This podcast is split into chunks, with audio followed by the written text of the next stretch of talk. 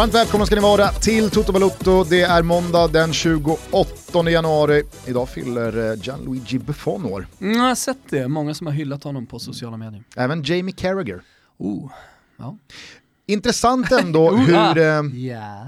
nej men, alltså, jag kan tycka att det är intressant ändå hur eh, smärtfritt Jamie Carragher tog sig tillbaka in i tv-värmen igen efter att han loskade den där eh, tonårstjejen i plytet för något halvår sedan. Kommer du ihåg det? Ja, jag kommer ihåg det. För de som inte minns det så var han ju på väg då från en match, eh, Mm. från en sändning, måste han väl ha varit på väg från. Ja. Eh, och eh, i då trafiken på väg eh, från arenan så börjar han jiddra med en bil, han drar ner rutan och så loskar han rätt in i den andra bilen och där Jag sitter en vill tonårstjej. minnas att det var efter att United hade slagit Liverpool och då Alltså, är det då så- någon liksom farsa som med sin dotter i bilen ser att det är Jamie Carragher som ligger i filen bredvid, de vevar ner rutan och börjar liksom eh, påminna honom att United nyss hade slagit hans kära Liverpool. Mm. Var på Jamie Carragher då harklar sig eh, och tar sats och Ja, sätter... det är ingen dålig loska. det, är, det är en riktig Ja, jävla splash. Jag, jag såg nyligen Titanic med min tioåriga,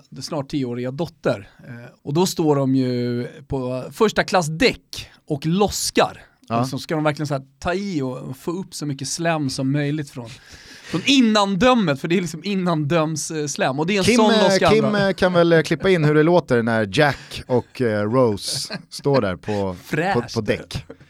All right, your turn. It was pitiful. Come on, you really got to hawk it back, you know? Get some leverage to it. Use your arms. Arc your neck. Now you see the range on that thing? Mm-hmm. Okay, go. Oh, that was better. You got to work on it.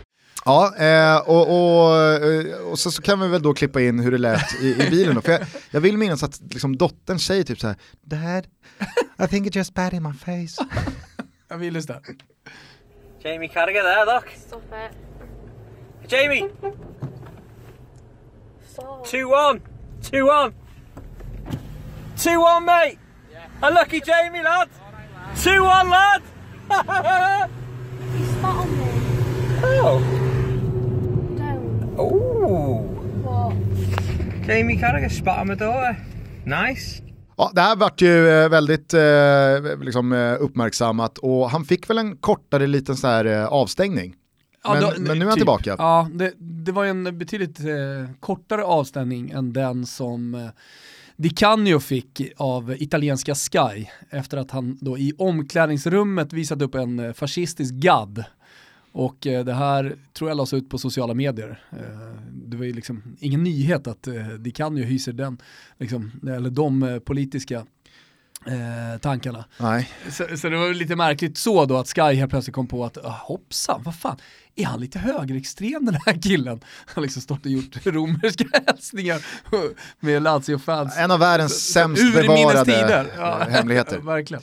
Eh, nej, men jag, jag tyckte alltid, eller tyckte alltid, men sen eh, vi har satt, liksom, plockade in Jamie Carragher i sitt stall, nu är inte det någon eh, figur som sitter Också i roligt studion. att typ så här presstalesman på Viasat fick då uttala sig om hur, gör ni, hur tänker ni nu Ja. göra med Jamie Carragher? Alltså de, de gör, får de Jamie Carragher så gör de ju Jamie Carragher. Precis. Eh, och, Alltså inte ens en liten svastika på vänsterarmen skulle ju kunna ändra på det. tror, tror du inte? Jag tror fan inte det. Nej, kanske Jaha, inte. fan är vi med Jamie Carragher? Nej men det är väl klart att, alltså, när vi... Neville aldrig. Nej. Nej, han skulle ju gå rätt in oavsett gadd. Ja. Ja, förmodligen. Nej, men sen vi har satt plockade in eh, Jamie Carragher i sitt lilla stall där runt eh, Champions League är det väl främst. Jag tror inte han har varit med i några Premier League-sändningar. Så, så det, det var ju liksom nästa nivå av eh, expertis. Eh, I synnerhet när det kommer till en sån klubb, en sån spelare. Alltså det, är ingen, det, var, det är inte så att Jon Arne Riise är med på ett hörn som eh, en gång i tiden spelade i Liverpool och är norrman, utan det här är Jamie Carragher, en klubblegendar i en, i en sån klubb som Liverpool. Eh, men ja, ja, det, det blev ju väldigt, eh, väldigt aktualiserat där, hur jäv i målet han är när han då har börjat ta intervjuerna med de aktiva eh, i Champions League-sammanhang. Eh, när då van Dijk borde enligt eh, 99,9% av alla som såg tacklingen eh, blivit utvisad mot Napoli i den avgörande gruppspelsmatchen i Champions League. Eh, och Jürgen Klopp då har varit och svingat mot tacklingar som hans spelare har fått mot sig. Men Jamie Carragher kan inte då uppbringa någon slags objektivitet och fråga Jürgen Klopp om det här. Att jaha, vad säger du nu då? Van Dijk kanske skulle ha fått en, eh, en, ett rött kort där. Men då är han liksom för mycket Liverpool och det är bara... Ja. Finns det blir liten kompis, problematik där. ja, det, det, det blir lite. Nu då, aktuella... Ja, Ja, eller nej, jag, nej, jag, skulle, jag, jag skulle bara fråga eh, på temat då, eh, de här födelsedagsbarnen mellan Jamie Carragher och Buffon. Ja. Ser du en framtida italiensk pandit i Buffon? Det gör jag nog. Eh, han har ju liksom pratat om efterkarriären, men varit... Eh, han, han har inte varit eh, speciellt detaljerad kring han, han, han säger väl mer eller mindre att han kan tänka sig jobba med fotboll. Eh, men eh, han har ju en, eh, en fru, eller på säga, han har inte fru, men han har ju en, en eh, flickvän som jobbar i tv. Och eh, han är ju väldigt tv-mässig, han gör sig alltid bra i intervjuer och han, är, en, han är ju, alltså man pratar om folkkära svenska idrottare så är ju Buffon kanske tillsammans med Valentino Rossi och, och någon till de, de mest folkkära idrottarna just nu i Italien. Och, och fullständigt avgudade, dessutom extremt verbal, bra på att analysera och sånt där. Så att, alltså de som plockar Buffon efter hans karriär gör nog en rejäl jack, jackpot och det, det är väl ingen liksom, konstig tanke att tro att det blir då den kanalen med mest pengar, så Sky då. Ja men precis, och han sitter ju dessutom inne på en helt okej engelska, eh, men också att han har, eh, han är ju i princip kompis med alla känns det som. Ja men alla älskar ju honom, Ja. så att, jag menar utnyttja honom på ett bra sätt så kan man ju få ut väldigt mycket bra tv också. Men eh, nej, jag är helt övertygad om att, eh, att eh, det är i alla fall i någon slags övergångsfas om man inte vill hoppa på ett fotbollsjobb direkt eh, skulle kunna bli eh, tv ett tag. Sen så finns det ju de som fastnar där, alltså som har haft, eller möjligheten, de har haft eh, tankar och, och idéer om att gå in i fotbollen. Ambrosini till exempel som är en jätteuppskattad expert idag. Billy Costa Curta. Billy Costa Curta där har en annan, eh, och, och det finns fler. Del Piero nu eh, är en av liksom, de här gubbarna som, som sitter där. Jävligt stark uppställning igår när man ser Cambiasso sitter i italiensk tv. Det gör han för övrigt varje vecka också, en numera italiensk expert då. Tillsammans med eh, Del Piero, tillsammans med eh, ja, eh, Costa Curta som kommer in. Alltså det är en ruggig uppställning på, på spelare som, som sitter i den studion. Ja. Är det någon som har en Carragher-roll, alltså som ä- även sköter intervjuer? Ah, alltså i, ibland så kan Massimo Ambrosini vara nere och göra intervjuer också, men, men i Italien så är det ett, eh, ett journalistarbete. Alltså de är, de är väldigt noggranna med det också. Eh, så att eh, de här killarna sitter i studion och sen så har man journalister, reportrar eh, på plats då. Som, som, men, men där funkar det annorlunda, du pratar, det är ganska intressant, eller jag vet inte hur jävla intressant det är för våra lyssnare, men, men för dig och mig som konsumerar väldigt mycket liksom, fotbollsmedia, eh, så är de ju, pratar de ju mycket längre med spelare och tränare direkt efter matchen. Alltså kollar du på en allsvensk sändning, Simor, C More, så får du ju i stort sett nio gånger av tio i alla fall känslan av att eh, tränarna eller spelarna egentligen bara vill dra. Duscha, ta bussen hem, eh, eller ja, flyget eh, nu som står och väntar, var, var det nu än må vara. Men alltså huvudpersonerna från en match, de står först och pratar med en reporter, får frågor därifrån och sen så säger de, ja men då skickar vi upp till studion. Så får de en snäcka och där sitter studion eh, och som jag sa då, där kan då, som i helgen när Fabio Quagliarella gjorde succé, två nya mål eh, och alla vill då ha eh, en liten bit av honom. Jag tror han står en timme med eh, Del Piero och, och gänget och bara liksom ja, snackar om den här succén och eh, varför, eh, varför han liksom kan hålla sig fräsch fortfarande och så vidare och så vidare. Det blir ju en massa hyllningar också, en massa ryggdunkningar. Eh, men folk vill ju ha Quagliarella efter de där målen och då får man honom. Tränare kommer sen, står där i 20 minuter och pratar och vill prata också. Och ibland kan det ju bli bråk där, eller bråk, jag ska inte säga bråk, men det är mycket högre i tak. Carragher-losker? Nej men så här, det är mycket högre i tak. I Sverige pratar vi jävligt, jävligt ofta om att det ska vara högt i tak när man har möten. Men det är ingen som klarar av högt Det är i sällan tak. högt i tak. Det är fan aldrig högt i tak. I den här organisationen har vi högt i tak. Nej, det har ni fan inte. Säger Era man, jävla svennebananer alltså, ni har aldrig haft högre än 1,20 i tak. om man uttryckligen... Ett enda företag som lyssnar på den här podcasten som har högt i tak. Kom till mig och beskriv hur, hur, ni, liksom, hur er organisation funkar med ert höga tak. Nej! Kolla däremot på en italiensk sändning. Kolla på när Spalletti kommer och pratar med studion och får sån jävla kritik av de som sitter där. Och det är inte vilka som helst då, som jag precis sa. Eh, och, och, och prata om högt i tak. Det är så svenskt alltså. Alltså eh, uttrycker man sig att man har högt i tak så har man ju väldigt sällan högt i tak. Exakt, så är det. Om man har högt i tak så behöver man inte säga att man har Nej, högt i tak. I den här podcasten skulle jag vilja säga att vi har högt i tak, Gusten. Ja. Eh, jag tänkte bara, på tal om då experter och på tal om att eh, bli avstängd eh, för man gör vissa saker. Kim Källström, Ja, har du hängt med här? Då? ja. Vad, vad som har hänt? Har du hängt med eh, i vad han har sagt också?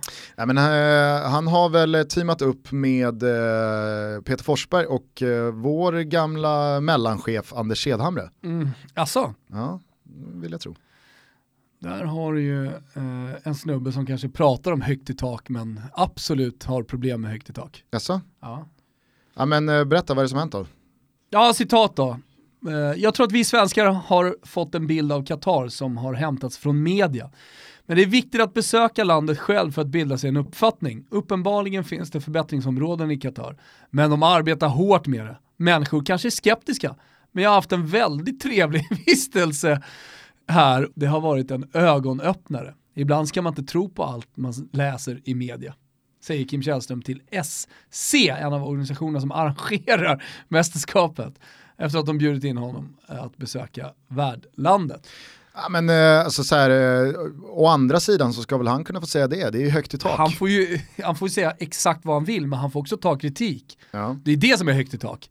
Det, det, det handlar liksom inte bara att ja, jag får säga vad man vill, ja, det är klart som fan du får säga vad du vill, men du får också hantera den kritiken som kommer och, och, och bemöta den. Eller? Ja, ja, självklart, men jag, jag förstår inte riktigt eh, din, eh, din, din övergång här. Vad, vad är det du vill eh, säga med Jag detta? undrar hur Discovery ska hantera det här med att Kim Källström står och snackar om att Qatar är en trevlig resmål. Ja men det är väl klart som fan det är trevligt för dig att bo på femstjärnigt jävla dunderhotell och glida runt i poolområdet och dricka pina coladas. Men det är väl en helt annan jävla eh, verklighet för de pakistanska liksom, slavarbetarna som är där och bygger Eh, arenor och dör i, som flugor liksom. Va? Det är väl en stor skillnad? Så du är nu lite nyfiken på hur högt i tak det är hos Discovery. Är det så pass högt i tak att Kim Källström får eh, slänga sig med de här eh, vitsorden gällande Qatar och det är inga problem inför de stora Europa League-sändningarna som stundar? Eller kommer Discovery avkräva Kim Källström på en liten pudel? Men alltså framförallt alltså, om man ska prata om hö högt i tak så får man hoppas att eh, ledningen där borta, du nämnde Anders Sedhamre här, jag vet inte eh, vilka fler som ingår i den där ledningen nu. Jag antar att eh, vår polare Daniel Lagerqvist får arbeta lite PR-mässigt efter att det här har skett. Eh, men men eh, Han läser ju den här intervjun och skakar bara på huvudet. Nej, nej, nej, nej. Ah, jo, det gör han nog. Eh, oerhört bra kille, Daniel Lagerqvist för övrigt, borta på Discovery. Eh, men eh, Men Ja. är Viasats beslut att Alltså, köra på med Jamie man- Carragher trots loskan i tonårstjejens ansikte, är det högt i tak? Nej men det, det Eller höga är taket det- är ju hur, hur tongångarna går där. Alltså jag vill ju att Lagerqvist skäller ut Kim. Och sen så vill jag att Kim då försvarar sig. Eh, och kanske också då skäller tillbaka. Jag får minsann säga vad fan jag vill. Alltså det är där det ska vara högt i tak. Och sen så landar de ändå i, okej, ja men det är bra Kim.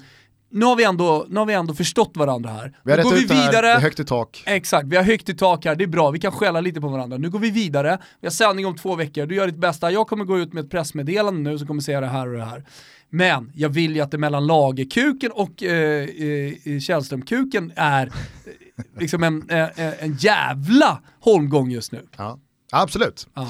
Man undrar ju om det var ens någon verbal holmgång med Jamie Carragher från MTG Håll och Viasat Håll. Det fanns ingenting. Nej. Eh, spännande i alla fall. Eh, på tal om det där med Jamie Carragher och att han inte då ställer en relevant fråga eh, till då berörd sportslig aktör, i det där fallet Jürgen Klopp. Eh, såg du förra veckan när eh, José Mourinho efter eh, en knapp månads tystnad eh, gästade Be In Sports studio och eh, pratade om ditten och datten med programledare, expert och Jimmy Floyd Hasselbank. Ja, Vad tyckte du om den intervjun? och äh, den men alltså det där är ju roligt. Det där är ju kul att lyssna på.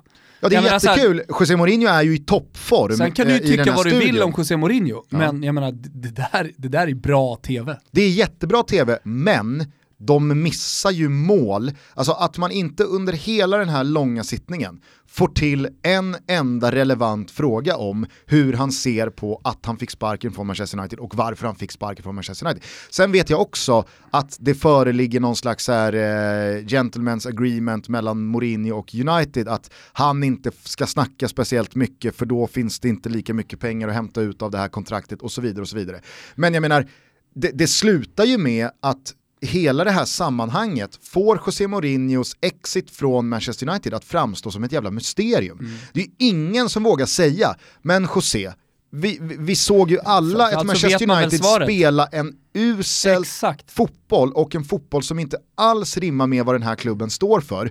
Och ni halkar efter både poängmässigt, men han sitter ju där och vänder allting till sin fördel och, får, och får det att låta som att, men herregud, jag vann Europa League. Hur många bucklor har eh, Arsenal vunnit sen eh, jag tillträdde? Exakt, Hur man hade ju, har... där hade man ju velat haft eh, lite högre tak. Och där Ja. hade man ju velat, velat att någon skulle våga Ja. säga det. Men Att vänta, någon- att stopp någon- och belägg. Har du sett dina matcher Ja. i efterhand? Jag ville jag menar, du ut- gör väl någon ville- slags videoanalys? Jag ville peta ut mina ögon, så jävla bedrövlig Exakt. fotboll som det spelades.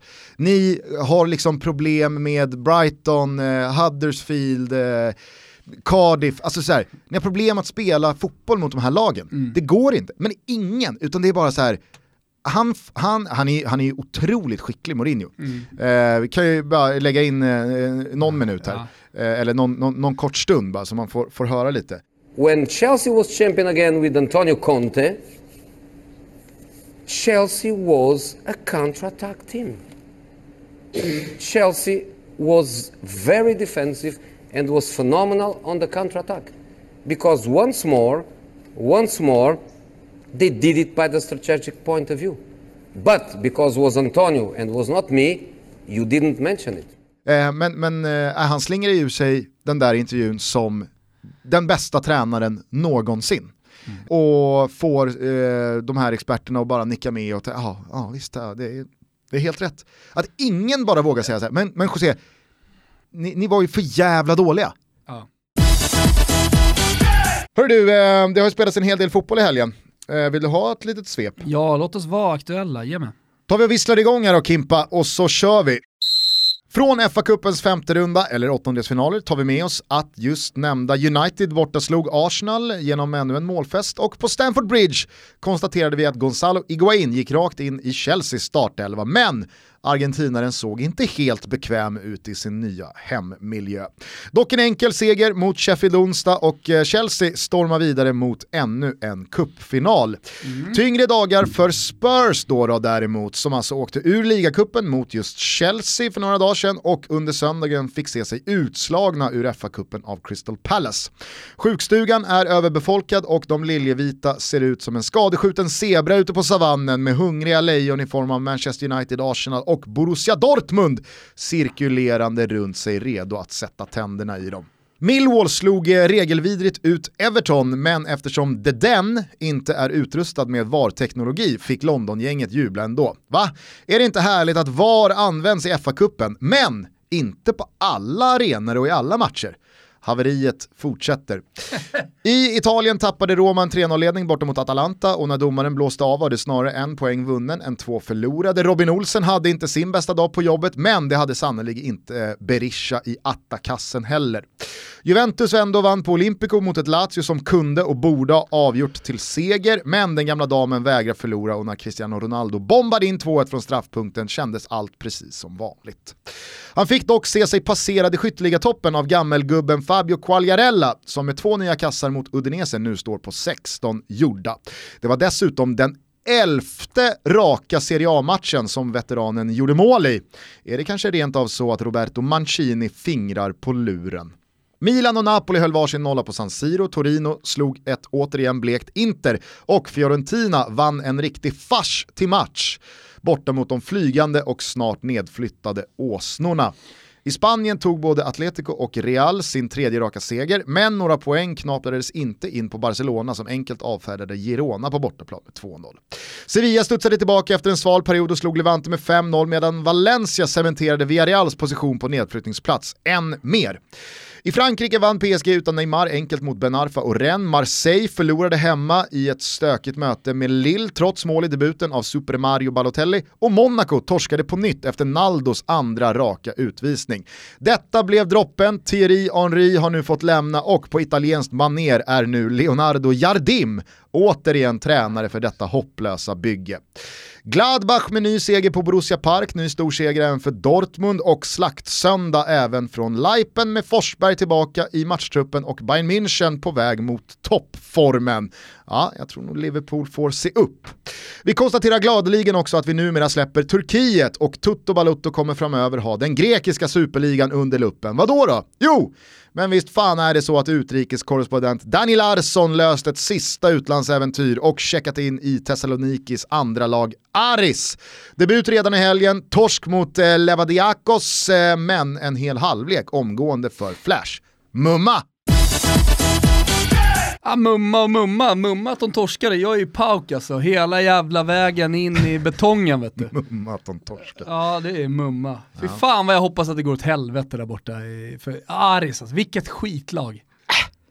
Det, det där är, det är onödigt tycker jag. Nej det är inte onödigt. Ja, Jag, det är jag är onödigt. pauk. Jag hoppas men- det går åt helvete för Aris. Du kan väl i alla fall hålla en tumme för Danne? Nej det är klart jag inte kommer göra, vad ska jag hålla en tumme för honom för? Han kan ju sitta där och lyssna på Offside och Tankesmedjan och Della Q och någon gång ibland lyssnar han också på Värvet. Ja, det kan han göra. Jävla sopåkare. subtil eh, liten armbåge till värvet. Ja precis, någon gång ibland om det är intressant gäst. Nej men det var väl kul. Eh, det var ju även en annan eh, Broder Larsson inne i elden här i helgen. Igår eh, spelades Daddy Klaisiker på The Cape i Rotterdam. Vår kompis Kristoffer Svanemar var där.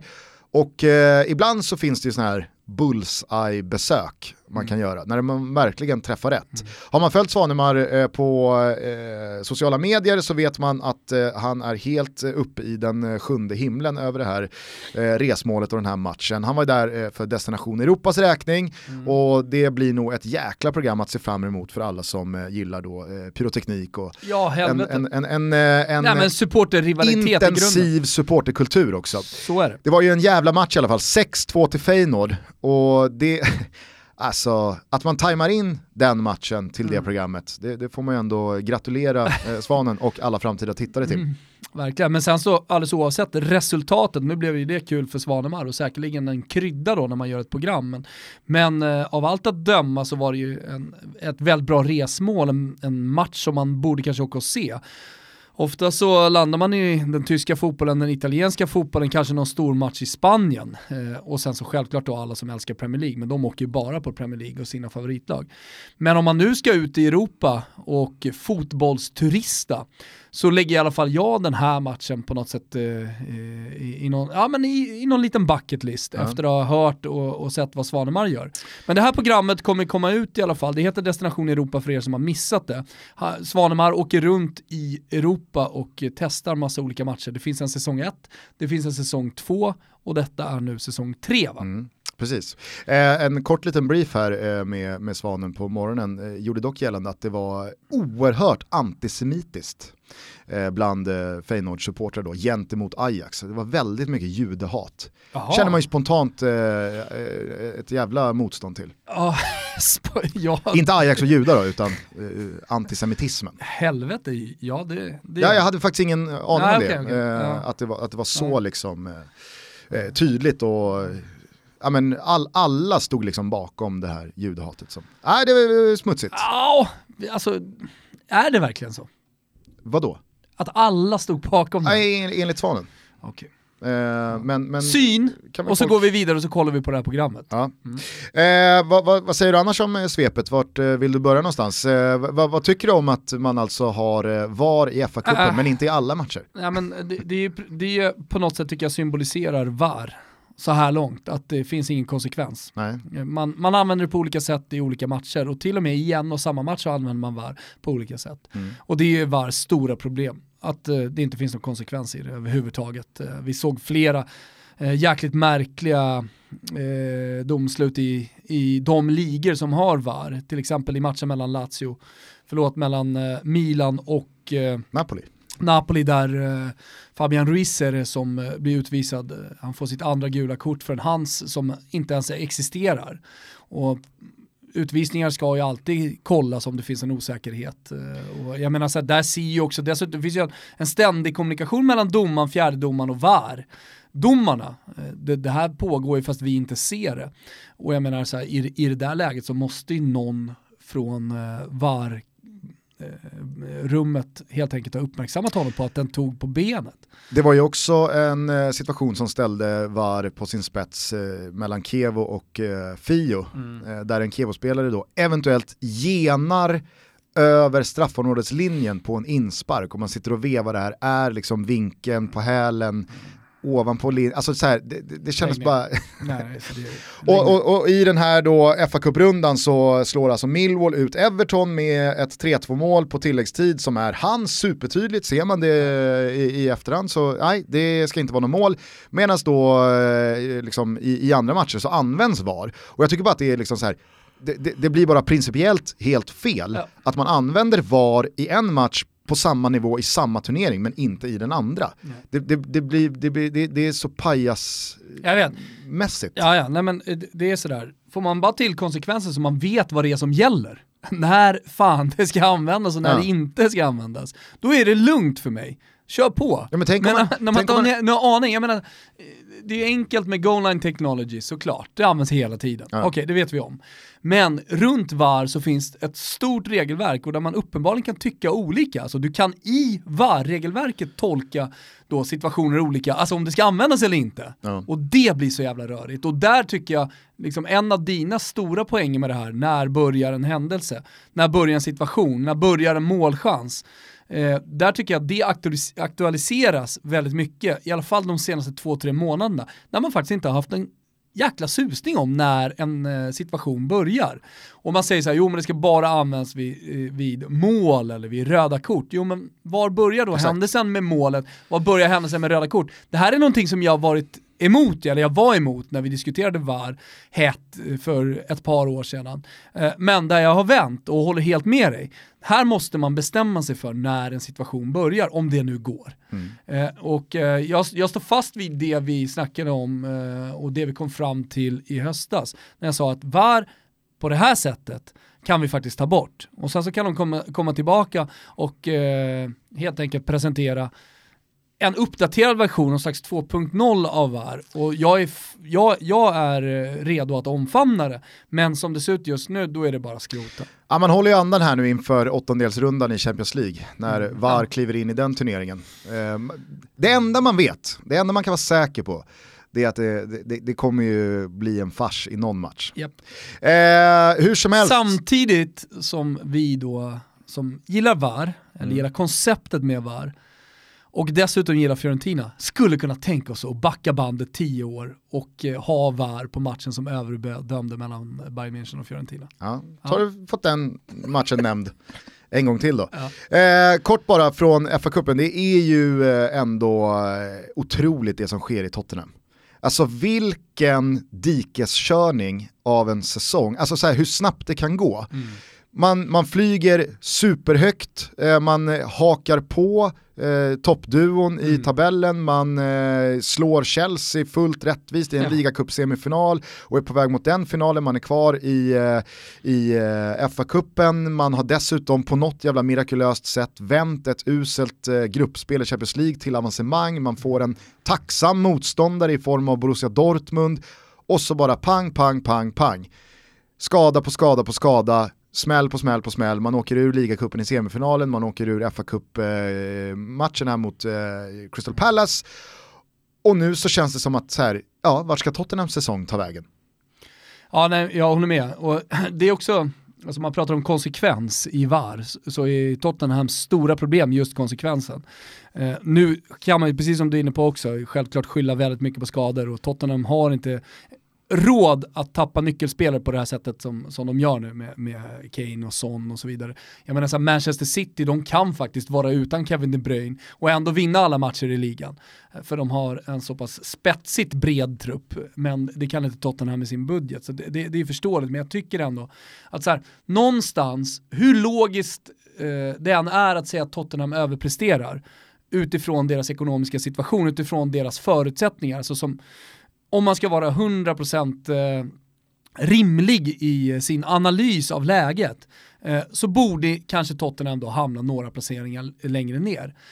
Men, men så funkar inte fotbollen. Alltså bara för att Manchester United är världens rikaste klubb så kommer inte de vinna. Utan det kommer for, fortfarande finnas eh, utrymme för eh, sportslig kompetens att påverka de här resultaten och rubba det här. Och jag tycker att vi idag i fotbollen har jättemånga fina exempel och vi har de senaste åren också haft eh, liksom, ja, men, otroliga romantiska sagor som inte borde ha kunnat hänt. Till exempel med, eh, till exempel med Leicester som liksom överanvänds kanske i sådana här sammanhang. Men med Tottenham så undrar jag när tillfället kommer när man börjar tycka att det är lite trist att komma trea. Mm. När, när kommer eh, supporterna att, eh, jag ska inte säga kräva, men ändå börja skruva lite på sig att så här, fan, jag kommer hellre sjua och vinner en titel. Är du med? Mm. Ta Sevilla till exempel. De har ju hela tiden varit i toppen i den spanska ligan, eh, kommit eh, trea, fyra, ibland femma, ibland sexa. Eh, men under det senaste decenniet så har man ändå vunnit flera titlar. Eh, främst då i Europa League, vilket har varit då körsbäret på tårtan för supporterna att verkligen få uttrycka de här extrema euforiska känslorna. Så jag undrar liksom så här, när börjar man tröttna i Spurs-lägret? När börjar det bli vardag att rada upp segrar men sen förlora i de här viktiga, viktiga matcherna som gör att man inte når hela vägen fram. Är du med mig? Ja, ja, det blir nästan liksom en, så här, en, en fotbolls, eh, eller supporterfilosofisk fråga som man, som man får ställa sig. Ja, och det är inte bara supportrarna som nog ställer sig de frågorna utan väldigt många spelare också. Jag menar titta på en Kyle Walker som, han var ju en av de här spelarna, liksom Spurs och eh, det, det, det det var vackert och det var fint, och, men han kände väl att nej, alltså, jag, jag går till city mm. eh, och så får jag lämna mina polare och jag får vara en, någon slags Judas och en svikare. Men han har en Premier League-titel sedan dess och förmodligen så kommer han plocka ett par titlar eh, Det ska till. man ju veta att det är väldigt svårt att vara kvar i ett Tottenham när de stora klubbarna ringer. Eh, det, det, finns, det, har de bara ett, det finns ju ett superexempel på det här och det är Francesco Totti. Som hela tiden fick bud från andra klubbar, Real Madrid inte minst. Han hade kunnat avsluta sin karriär som en av de bästa mm. fotbollsspelarna på den absoluta toppen, men i och med att han blev kvar i Roma så blev han mer alltså, ihågkommen för att ha varit kvar i Roma mm. och sen så blir legendariskt lite med, självklart det sportsliga, att han att han var kvar så länge och ändå stod för liksom några slags geniala mål och, och assist under sin karriär. Absolut. Men är du med på att han, han har inte vunnit några titlar Totti. Så att eh, i diskussioner man pratar om världens bästa spelare under 2000-talet så kommer ju Totti alltid i diskussioner halka efter på grund av de här titlarna. Och sen så kommer man, kommer man ha den här eh, disclaimen, jo, jo men han hade kunnat gå, mm. men nu gjorde han inte det. Nej det gjorde han inte. Med det sagt så tycker jag ändå att Tottenham verkligen har imponerat genom att hålla, behålla alla sina eh, framträdande spelare. Jag menar Kane är kvar, Dele Alli är kvar, Christian Eriksen är kvar, Aldeireld är kvar, men jag tror att den här senaste tre veckors perioden kommer nog ligga till grund för att det här ändrar på sig till sommaren. Då kan jag mycket väl tänka mig att Aldeireld lämnar jag tror nog att Mauricio Pochettino både har tänkt en och två gånger senaste tiden, det, kanske, jag, det är kanske hit jag kommer med Tottenham. Jag, det, jag, jag, kommer inte längre än så här. Jag är i takt med att eh, kanske då andra större klubbar också rycker i honom och ger honom mer pengar och kommer med projekt då eh, som innebär flera miljarder att ja. handla spelare för. Han kan ta ytterligare ett kliv i sin karriär. Nu är det väl fler och fler som börjar ta plats i liksom Ole Gunnar Solskär-båten som en permanent lösning, men det har ju varit väldigt mycket snack om att Pochettino eh, ska till Manchester United, även varit väldigt mycket snack om Real Madrid som en långsiktig lösning där. Jag kan tänka mig att, alltså nu, har- nu har ligacupen, eh, den har försvunnit, FA-cupen har försvunnit, ligatiteln, ah, det är klart att det, det, det finns en teoretisk chans, men det är, inte, det är inte rimligt att tro att Tottenham kommer vinna Premier League. Eh, och Champions League, Slår man Dortmund så har man gjort det otroligt bra, man skulle inte ens eh, ta sig vidare till utslagsrundan. Nej. Men då kommer den säsongen stanna där igen. Mm. Och jag, jag tror att det någonstans blir eh, droppen för eh, Pochettino och eh, Tottenham. Eh, vi- kanske, jag kanske, får, att- kanske får sätta punkt för en sån eh, Jag era, tycker att det trots den nya arenan och sådär. Ja, jo, men jag tycker att det mest intressanta här är ju Harry Kane och hans situation. Eh, Och när då utländska klubbar, för jag tror att det är svårt för honom att flytta i England, eller jag tror inte att han skulle göra det, men när det kommer stora utländska klubbar eh, och helt plötsligt börjar rycka i honom. eh, Det kanske finns ett Bayern München som inte längre har Lewandowski. Det, ja, Real Madrid nämnde det här tidigare, Pochettino. Tänk om han skulle gå dit och man Mm. lockar Harry Kane med att bli kanske den bäst betalda i, i Europa som fotbollsspelare. Jag menar, det, det, det, det är tufft att säga nej då.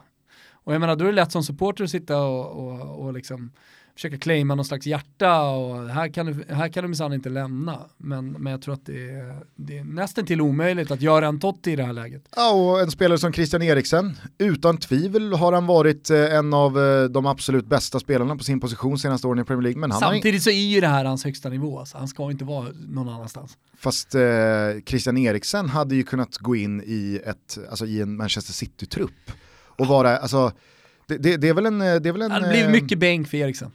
Fast kolla på hur mycket spelare som Bernardo Silva och Mares Jo och... men det, det har ju kommit nu de i år. ändå får spela. Jag vet, jag vet, men hade han kommit in nu i City så hade han suttit bänk. Han hade fått spela.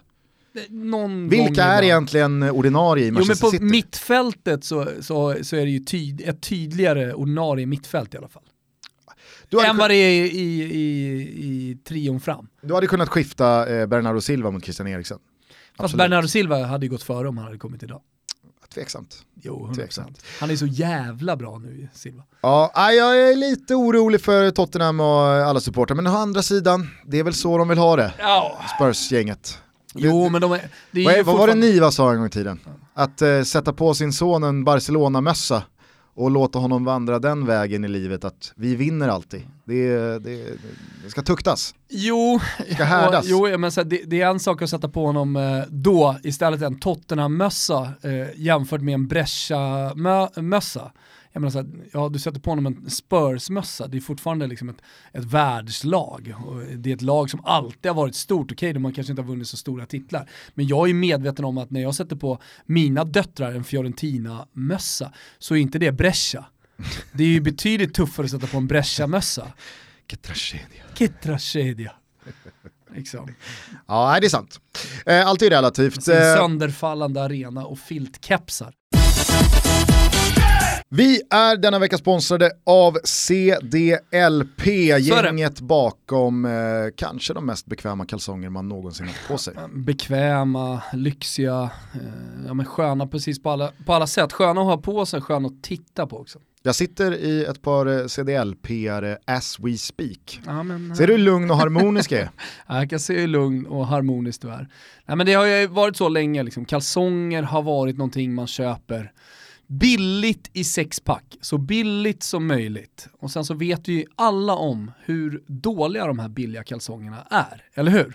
Verkligen. Eh, och jag menar, kvalitet på kalsonger har knappast varit någonting man har pratat om. Kalsonger det är liksom slit och släng. Sen kom ju CDLP med sina nya, fräscha, eleganta toppkalsonger. Mm. Och eh, helt plötsligt så har kalsongen blivit någonting som faktiskt är jävligt trevligt att, eh, att ha på sig. Verkligen, och det är inte bara kalsonger CDLP gör utan de gör ju även strumpor men också långkalsonger och det är ju Långisarna, va? fortsatt jäkligt kallt. Eh, I helgen så var det alltså, det måste ha varit den kallaste dagen i Stockholm Mm. senaste kalenderåret. Ja men nu är det ju obligatoriskt med eh, långkalsonger om man ska vara ute som jag då med barn till exempel. Sen såg jag att eh, Nika Lukta var och touchade 40, 40-strecket. Får man ha dubbla CDLP-kallingar? Ja. Nej, men, eh, så det, det finns ju en, en rad produkter att eh, lägga vantarna på, va? pun intended, eh, borta på cdlp.com. Även fast det känns som ganska länge sedan så är det ju fortfarande ett väldigt nytt år. Och varför då inte bara rensa ut det gamla och välkomna in en ny arsenal från CDLP, både vad gäller eh, kalsonger, strumpor och så ett par eller två long johns då här när det är lite kallt. Passa på just nu, gå in på CDLP och använd er av koden TOTOBALUTTO så får ni 15%. Det är supergeneröst och det är ett jättebra läge för er att, precis som Gusten säger, förnya er kalsonglåda. Tack till CDLP för att ni är med och möjliggör Toto Balutto. Stort tack! På tal om relativt, vi måste ju eh, prata lite mer om Fabio Quagliarella. Alltså, Måste vi verkligen Ja, det måste vi. För att eh, ni hörde i svepet siffrorna, 16 gjorda mål här nu och mål i den elfte raka Serie A-matchen. Mm. Eh, du berättar att alla vill ha en eh, bit av Quagliarella-kakan här nu i italiensk media. Ja, alla får det också. Ja, ja, men, eh, man kan ju- ja, men det är det jag gillar. Så- Jag menar, händer det här i Sverige, ja, då är det silencio stampa. Oj, oj, oj, nu ska vi behålla fötterna på jorden. Okej, jag förstår att Quagliarella är snart 40 år, men oavsett Han tar det ju här sista är chansen här nu. han, Jo, kanske han gör, men alltså jävla fin intervjuerna också, det måste man ändå säga här. Men eh, alltså, om, om, om du eh, försöker ställa det här i några slags relativa termer, Man gör det så värdigt. Ja. eh, hur, hur, eh, hur exceptionell är Quagliarellas liksom, peak just Fra, nu? ja, den, den är exceptionell, men det här är också en fotbollstalang som alltid har, har, har funnits på den här nivån. Ah, Quagliarella har alltid varit så här bra. Alltså det stora problemet med Quagliarella skulle jag vilja säga att han alltid har spelat över små klubbar. Eh, och sen så, jag vet inte hur många som känner till det, men det var uppmärksammades här på Twitter i alla fall, även om de pratade om det i Eurotalk, men han har ju haft en stalker va, från Neapel, det här kan man läsa om, och som har då eh, hållit på och varit efter honom. Och när man hör ordet stalker så garvar man ju lite. Ha, någon, det har väl alla Ja. stora artister eller fotbollsspelare och sådär. Men det här har varit en riktigt sjuk jävel som har ändå kommit nära honom. Eh, och vilket har mm, stört hans karriär ska sägas också. Men ståken eller inte, alltså hans, eh, jag vet inte om man ska kalla det för peak, men hans fantastiska säsong just nu får i alla fall mig att tänka lite, fan vad synd att det inte blev någonting ännu större. Jag kommer ihåg eh, när han gjorde 2010, när han på något sätt stod på toppen av sin karriär, eller det var då han skulle lyfta. Eh, så var han en av de bästa spelarna i ett bedrövligt italienskt landslag. Eh, men eh, det ville sig inte riktigt. Eh, Så att jag, jag tror tyvärr för hans del så har det också varit lite timingmässigt att när han liksom var som bäst så var det i eh, ett italienskt landslag som var kast. Och sen så nådde han väl inte riktigt de där höjderna heller eh, när han skulle ta sig vidare. Om det har någonting med hans eh, ja, men psyke att göra, det, det vet jag inte riktigt. Men alltså så fotbollstalang. Känd för att göra så här vackra mål, det har han ju alltid varit. Mm. Det blir kul att se också, på tal om timing, om han eh, har eh, isen i magen att då lägga av efter den här säsongen. Nu kritade han ju nytt och man vet, alltså så här, gör man sådär många mål i en så pass eh, högklassig liga som Serie A, ja då fattar väl jag också att både klubbar vill att han ska fortsätta och han vill ju fortsätta. Men det, men, men det blir ju en fråga om, om timing, när man ska liksom tacka för sig. Jo, men han, han gör det bra i snacket om landslaget, tycker jag i alla fall. De frågar om han eh, liksom är intresserad, om han är tillgänglig och han säger ja det är klart jag är tillgänglig om man skulle ringa. Eh, men jag tycker att eh, liksom i den fasen som italiensk fotboll befinner sig i just nu så gör Mancini rätt i att satsa på unga spelare. För det här, det här är spelare som ska växa i landslagströjan nu så att de är som bäst när nästa mästerskap kommer. Och eh, jag menar, jag vet inte vad jag är då, men jag vet att jag börjar bli gammal och jag vet att det en dag kommer, det kommer den här kroppen ta slut. Eh, och därför är det bättre att vi bygger en, en grund på unga spelare. Och då är det någon som påminner honom om, han säger själv att det är två år till nästa mästerskap, då är det någon som påminner honom om att det är faktiskt bara ett och ett halvt år. Varpå han ler lite och säger att, ah, vad fan, man ska väl inte stänga någon dörr, man vet inte vad som händer. Men, eh, men, jag, ty- jag, men jag, jag tycker ju alltid att de bästa spelarna ska lira. Och sen så finns det ju då situationer som italiensk fotboll har hamnat i här nu, speciellt landslagsfotboll, där man måste bygga upp en jävligt stabil grund och man måste göra det med unga spelare. Så att jag tycker Mancini gör det rätt och kalla in Tonali och Sagnolo och, och, och se till till så att Kesa får en nyckelroll och så vidare. Eh, men när det väl kommer ett mästerskap, då ska han kalla dem bästa. Och då om Quagliarella håller den här klassen, då ska han såklart spela ett EM. Jävligt fett i alla fall att liksom en 35, snart 36-årig Fabio Quagliarella håller jämna steg med Cristiano Ronaldo. Ja, till och med fr- 70 framför honom. exakt. Så att, ja. Och sen så Sen var det ju bedrövliga straffar i alla fall, någon. Ja, men och sen så ser inte Sampdoria ut heller att sakta ner. Nej, och det tycker jag, där om man ska prata om liksom, intressant projekt och sånt där, där, där ska man nog zooma in på Gianpaolo. Jag vet att det har pratats väldigt mycket om De Serbi, inte minst då efter att Pep Guardiola hyllade Sassuolos tränare. Men alltså, jag tror att den Jag tror tränaren, säga, inte minst efter att Christian Borell var nere och scoutade honom lite extra. det också. Eh, Martin Åslund var väl där va? Med Ja, ja. honom. Men bodde på annat hotell. Ja, de bodde inte ihop. Nej, Martin bodde på lyxhotell. Det Mm. enda i Emilia Romagna som fanns. Ehm, vad ska vi landa i här? Jo, Gianpaolo. Gianpaolo, tränaren i, i eh, Sampdoria, som har legat och bubblat. Eh, och det är många som har pratat om, om honom, att ta över en stor klubb.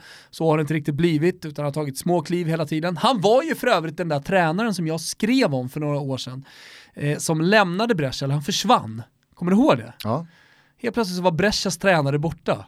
Ingen visste var han var. Så att Missing People fick ju gå ut och liksom leta efter honom. Till slut hittade man då Gianpaolo. Tur var väl det.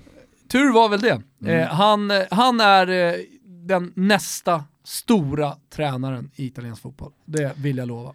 Eh, jag kollade den här matchen och många andra från eh, Serie A via Strive i helgen. Eh, jävla fin den appen och tjänsten är måste jag Visst säga. har den landat nu? Nu flyter saker på precis som det ska, men jag kan inte släppa hur härliga de här highlights-paketen är från både matcher och omgångar.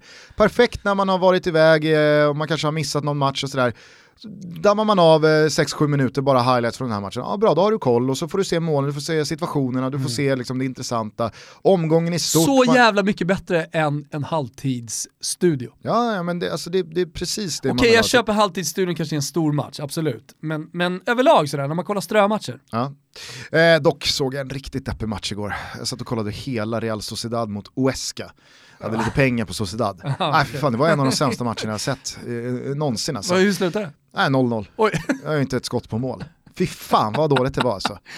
Nej, det, var, det, var så, det, var så, det var så en trött match alltså. Men den ska ju inte dra ner Strives betyg, alltså de gör ju fortfarande ett eh, kanonjobb och att efter den matchen då kunna gå till Barcelona och se kvällsmatchen mellan Espanyol och ett ursinnigt Real Madrid som har liksom fattat allvaret här. Bale är Notera tillbaka, Benzema. Benzema petar in, Peta hit och peta dit, han smällde in. Vinicius Junior, va? Eh, nu eh, kliver han upp i ensam assistledning. Eh, ledning. så nu är det bara lite mål som saknas innan min spådom eh, får eh, ja, men bli verklighet här eh, kring eh, den nya unga brassen. Nej, Spådom.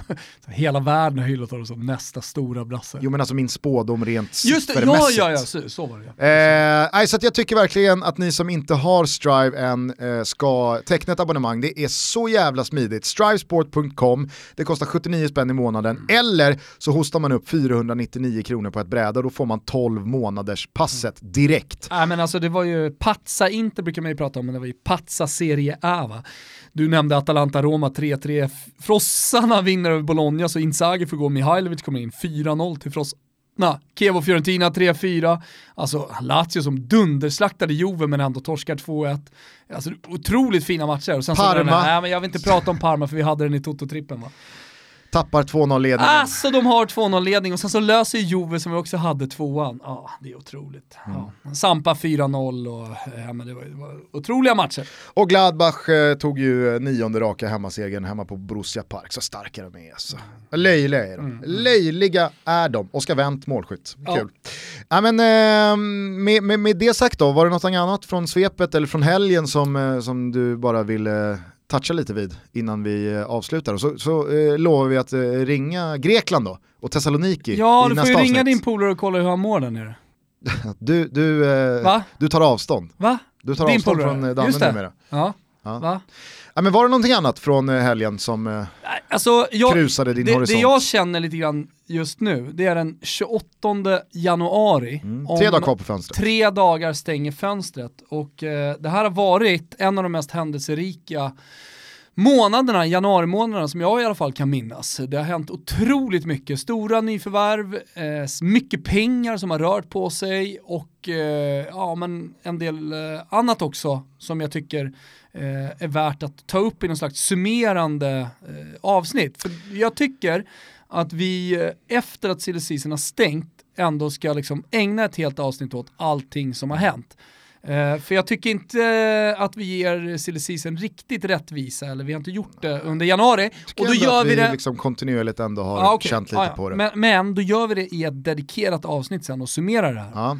Men eh, vi såg Hassan Settinkaya sätta eh, Frenkie de Jong i Barcelona. Mm. Eh, Balotelli har som sagt gått till Marseille, Guain är klar för Chelsea. Nu är det väl Rabiot som blir de sista dagarnas eh, stora spelare här som ska Bland landa någonstans. Det, det snackas Liverpool. Ja, det snackas Liverpool, men nu har man börjat prata om, eh, prata om Coutinho också. Att han eventuellt ska lämna Barcelona redan nu. Så att jag menar, det, det, det är stora spelare det pratas om eh, och eh, av allt att döma så kommer det hända ganska mycket de tre sista dagarna. Så att eh, det är bara att spänna fast sig och haka på. Jag kommer sitta i Expressens Deadline Day-studio den här gången och följa allt. Är Aaron Ramsey klar för Juventus eller vad fan händer där? Fortfarande inte officiellt vad jag har sett i alla fall. Nej, okej. Okay. Mm. Eh, är det någon annan spelare som du följer lite extra de här sista dagarna? Bah nu har det hänt väldigt mycket, nej egentligen inte. Uh, nu händer det till, till och med grejer med Alexander Isak. Men jag tror att vi, vi ska nog ha ett litet extra öga på de svenska spelarna som ryktas ut i Europa. nu kan det ju vara så att Turkiet och Grekland har andra dagar, jag har inte dem framför mig. Nej men När du har sett stänger, men... Gudetti Galatasaray? Ja, det känns ju spontant som en eh, perfect match i och med att eh, jag, jag minns med värme hur starkt Galatasaray-supportrarna älskade Johan Elmander just för att han slet och sprang och stångades. Eh, så att kan Guidetti landa Galatasaray, få lite speltid och liksom banka handen mot klubbemblemet. Framförallt och, en president och, och, som säger att han ska spela, han behöver ju en stark president som älskar honom. Ja, jo, men förstå en John Guidetti som river och sliter. Som dessutom sätter ett par mål. Ja, kan han då på det göra en kasse och kyssa det där klubbmärket, Just. då kan han ju gå från liksom frysboxen i alla väst till någon slags turkisk eh, gudastatus mm. i Istanbul. Så, så det, det vore häftigt ja, eh, om eh, Guidetti kan hamna där. Och jag ja, men... tycker i liksom, så det man hör och det man läser mellan raderna så är det ju, det är inte bara något löst jävla rykte utan eh, mm. det verkar vara ganska konkret. Mm. Nej, eh, som, man får ju ha koll också på de svenska situationerna så jag tror att det är många allsvenska lagsupportrar som, som är lite skraja. Jag vet att det ryktades om Sundgren till just Aris där Danne spelar, eh, kom ut på Fotbollskanalen här idag dagarna eh, och då blir man ju lite nervös. Man vill ha kvar sina nyckelspelare va, i klubbarna. Så det, det, finns ju också ett sånt perspektiv att titta på silly seasons sista dagar på. Mm. Hörni, Toto Balutto rullar vidare, det gör även Toto-trippen. Jag tycker att vi här och nu bestämmer att vi sätter in en liten extrainsatt Toto-trippel till Midweek-omgången i Premier League som är nu eh, tisdag, onsdag. Många fina matcher. Ja, men jag känner att jag behöver lämna Italien också. Efter att på en sån jävla dundersmäll som jag gjorde här med Parma och veckan innan det också lite oflyt. Så att, ja, bra att ta sig till öarna och göra någonting helt annat. Eh, ni eh, hittar den här Toto-trippen eh, antingen eh, via Betsson.com och eh, godbitar och boostade odds eller via våra sociala medier. Den skickar vi ut här eh, under måndagen så ska vi ha kul tillsammans och förhoppningsvis slå lite jävla mynt av hur rätt ute vi är i så många matcher. Så att, ja, haka, på, haka på där också och tack till Betsson för att ni är med Stort och möjliggör Toto Balutto, vi älskar er.